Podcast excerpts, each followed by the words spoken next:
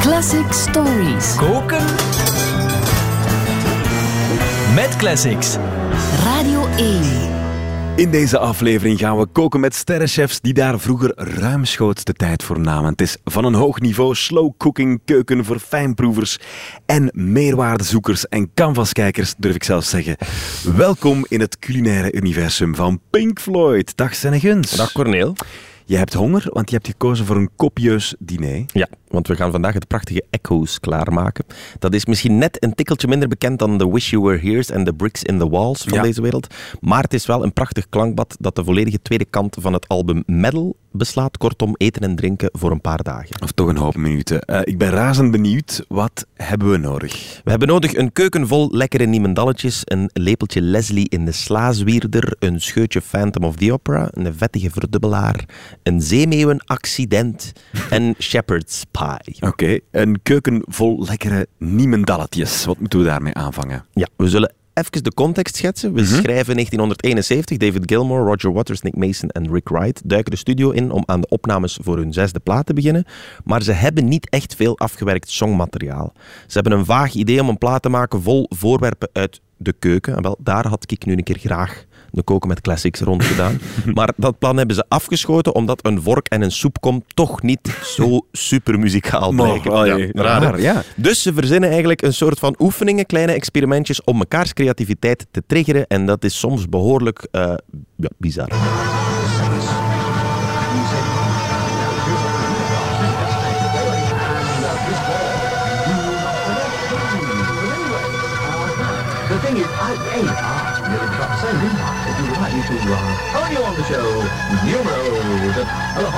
Dit is hoe mijn mama de muziek hoort waar ik naar luister, denk ik.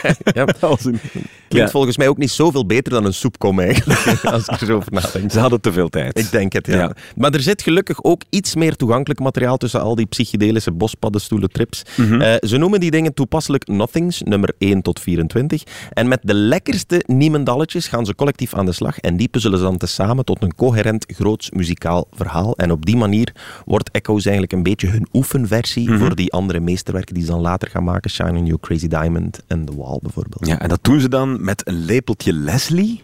Ja, de iconische eerste noot van Echoes, dat is een van die klankexperimenten Ja. waar eh, Rick Wright, dus de toetsenman, had het idee om een pianonoot door een Leslie-speaker te sturen. Een Leslie-speaker, dat is niet meer dan een grote ronddraaiende luidspreker die je traag of snel kunt laten draaien. Je zou dat thuis kunnen nabootsen door je stereo-installatie in de slaaswierder te gooien en rond te draaien op eigen risico. Ja, gevaarlijk voor de stopcontacten. Beetje wel, ja. Niet te veel water bij denk Ja. ik. Ja. Een, een Hammond-orgel eh, doet hetzelfde principe. Eh, dat is al elektrisch. Een piano niet. Dus om dat te doen moesten ze in de studio een micro voor die piano zetten, dat dan aansluit op die versterkers. Die dan moest ergens anders staan. Dat was een heel gedoe. Er was weinig enthousiasme bij de techniekers. Maar de Pink Floyders die hadden tijd zat. En toen dat alles uiteindelijk klaar stond, speelde Rick een hoge C op zijn piano. En die klonk zo. Hè? Nog eens. En die gaat weg omdat die wegdraait, die versterker. Ja, de versterker draait niet echt, maar de, de, er zit een luidspreker in en die draait rond. Ja, Dan ja, krijg je ja. zo'n beetje... Het klinkt als een duikboot. De Ja, sonar. Ja, inderdaad. Dat, dat, dat, dat idee hadden ze zelf ook. Het is een beetje pling, pling Floyd eigenlijk. eh heb, je, heb je hier volgens mij. En toen ze dit hoorden, werden ze ook razend enthousiast. Terecht, denk ik. In de laatste strofe gebruiken ze het effect ook op hun stem. Want alles klinkt beter door een Leslie, denk ik. Niet waar, Corneel? Is dat zo? Ja. Wow, LSD-trip. Voilà. Dat is het een beetje. Nee, maar het, is wel raar. Het, het klinkt, zeker met die sonar, alsof ik onder water zit. Ja, Alsof ik een visje ben. En blablabla, koraal. helemaal in uw rol op. Koraal de klerk. Koraal de Klerk, ja. Dat is ook onder water, dat is ook waar dat we ons bevinden bij het begin van het prachtige verhaal van Echoes, waarin Roger Waters ons poëtisch meeneemt naar het begin van alle leven. Deep beneath the ocean waves in labyrinths of coral caves, vul maar aan, koraal. Where everything is green and submarine. Voilà. Prachtig, hè? Ehm, ben ik weer boven water? Je bent weer, je bent weer boven Oké, water. goed. Ehm, we gaan verder met een scheutje Phantom of the Opera. Ja, na de strofes komt er een epische, chromatische halve tonenriff waar David Gilmour dan een solo over speelt. Klinkt zo.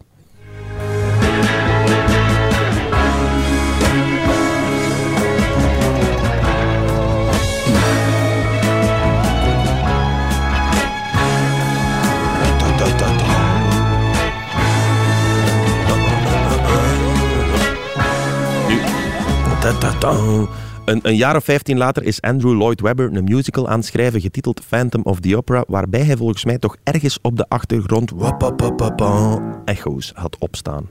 Ah ja?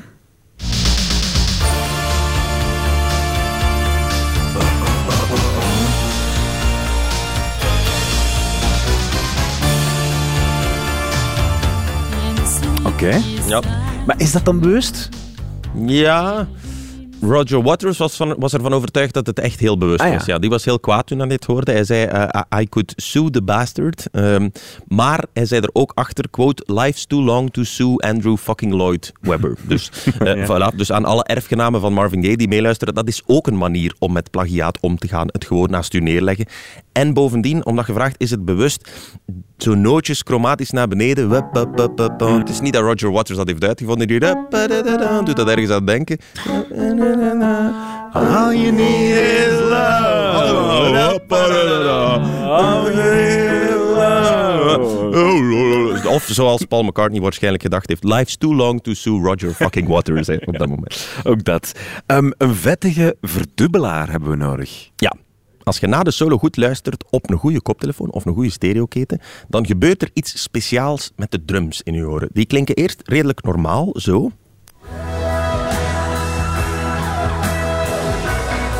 En nu... Nu vliegt dat in één keer naar de linker en de rechterkant in je oren. Alsof er... Ah ja. Hoort je het? Alsof er twee drummers Ja, ik heb een koptelefoon aan, dus dat werkt wel, ja. daar op koptelefoon hoort je dat zeer goed. Het lijkt alsof er twee drummers aan het meespelen zijn. Dat is niet zo. Het is nog altijd maar één drummer, Nick Mason, maar hij is opgenomen met ADT. Een aandachtstoornis. Of pesticiden. Een pesticide, dat had ook gekund, ja. Het is niet zo erg ADT, dat staat voor Automatic Double Tracking. En dat is uitgevonden door een technicus in Abbey Road, Ken Townsend. Vooral op verzoek van John Lennon, die een grote fan was van stemmen te dubbelen, maar die ook een beetje lui was en niet altijd veel zin had om telkens alles twee keer in te spelen en in te zingen. Dus hij zei, Ken, kunnen we dat niet automatisch doen? Ja. En daarop heeft Ken een systeem bedacht waarbij hij één micro pakte, dus John Lennon zijn micro, en hij liet dat tegelijk op twee tapemachines opnemen. En om dat een beetje levendiger te maken, eh, liet hem de snelheid van de tweede tapemachine een klein beetje variëren, zodat de tweede tape af en toe te vroeg en soms weer te laat was. En een zo, kapotte machine ja, eigenlijk. zo leek het alsof ze dat met twee waren aan het doen. En het is dat effect dat je hier hoort op de Pink Floyd drums, eh, waardoor dat, je, dat lijkt alsof het twee Pink Floyd drummers zijn. En op een soortgelijke manier zouden we eigenlijk ook twee Corneels kunnen maken. Oh mijn god. Oh! Voilà. Heb je mij net gekloond? Ik heb je Zitten gekloond. mensen hierop te wachten, op twee Cornelen? Het is te laat nu. Oké. Eh, wie is dat naast mij? Ah, dat ben ik zelf. ja, Hallo. goed. Krijg ik dubbel betaald? Van mij wel, ja, van mij wel, ja.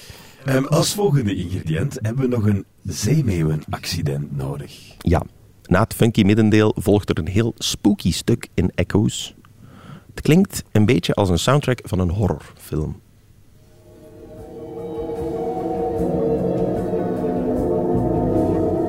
Zeer radiovriendelijk. Mhm. Hier, hier komt...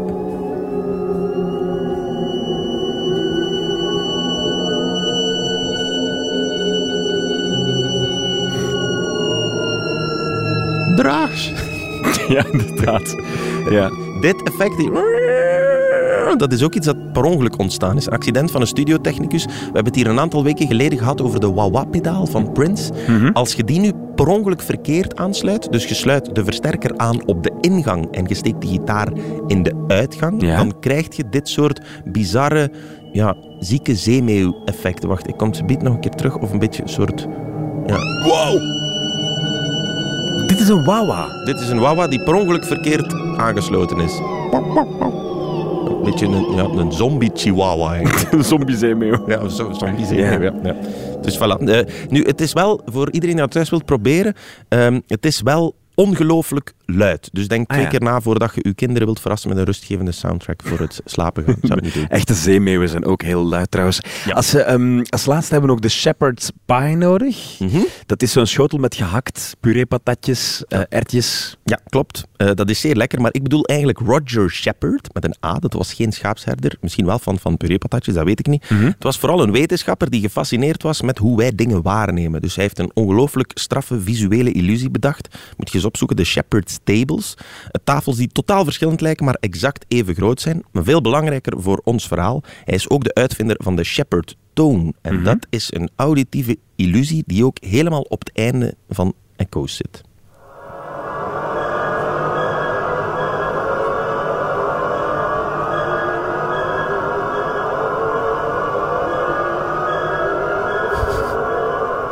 Ja, ook weer horrorfilm, hè? Ook weer horrorfilm, maar het is een toon, als je goed luistert, die de illusie wekt dat die de hele tijd naar boven Ja. blijft gaan. Dat is waar. Ja, dat kan eigenlijk natuurlijk niet, Nee. want iets kan niet oneindig stijgen. En hoe dat, dat dan wel wordt gedaan, die een uitleg is eigenlijk een beetje te technisch voor op de radio te doen. En bovendien, een goede goochelaar die verklapt nooit zijn trucs. Dat is waar. Maar het is eigenlijk gewoon hetzelfde principe als de soundtrack onder de Endless Staircase in het computerspelletje Super Mario Bros.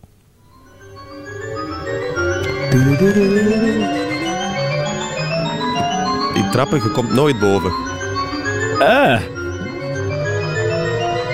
Ik krijg daar een beetje hoogtevrees van, maar ik meen dat echt. Ik, ik heb dat wel gemakkelijk, maar ik, ik voel me zo een beetje opstijgen. Ja, dat is zo. Dat gebeurt hier ook eigenlijk. Eh, Het, het wordt, ja, in, in computerspelletjes of in films, eh, de, de soundtrack van Dunkirk bijvoorbeeld, daar zit dat ook Ja, in. Heel eh, eh, onrustwekkend is dat. In popmuziek wordt het weinig gebruikt. Franz Ferdinand doet het hier op de achtergrond in het nummer met de toepasselijke titel Always Ascending.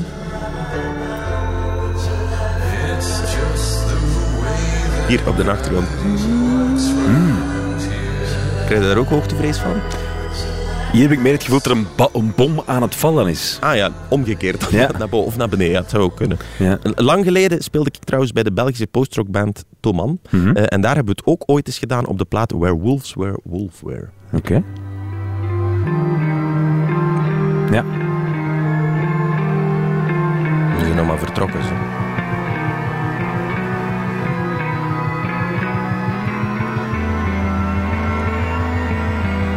Hier lang genoeg naar luistert, dan gaat je echt van de grond. Dat was nogthans niet van de gewoonte van de grond gaan bij Thoman. Dat weet jij niet, Cornel.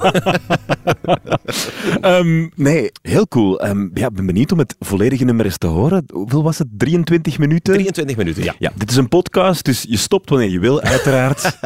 Ehm, maar geniet in elk geval van elk experiment dat hier is ingepropt. Dankjewel, Sanne Guns. Met plezier.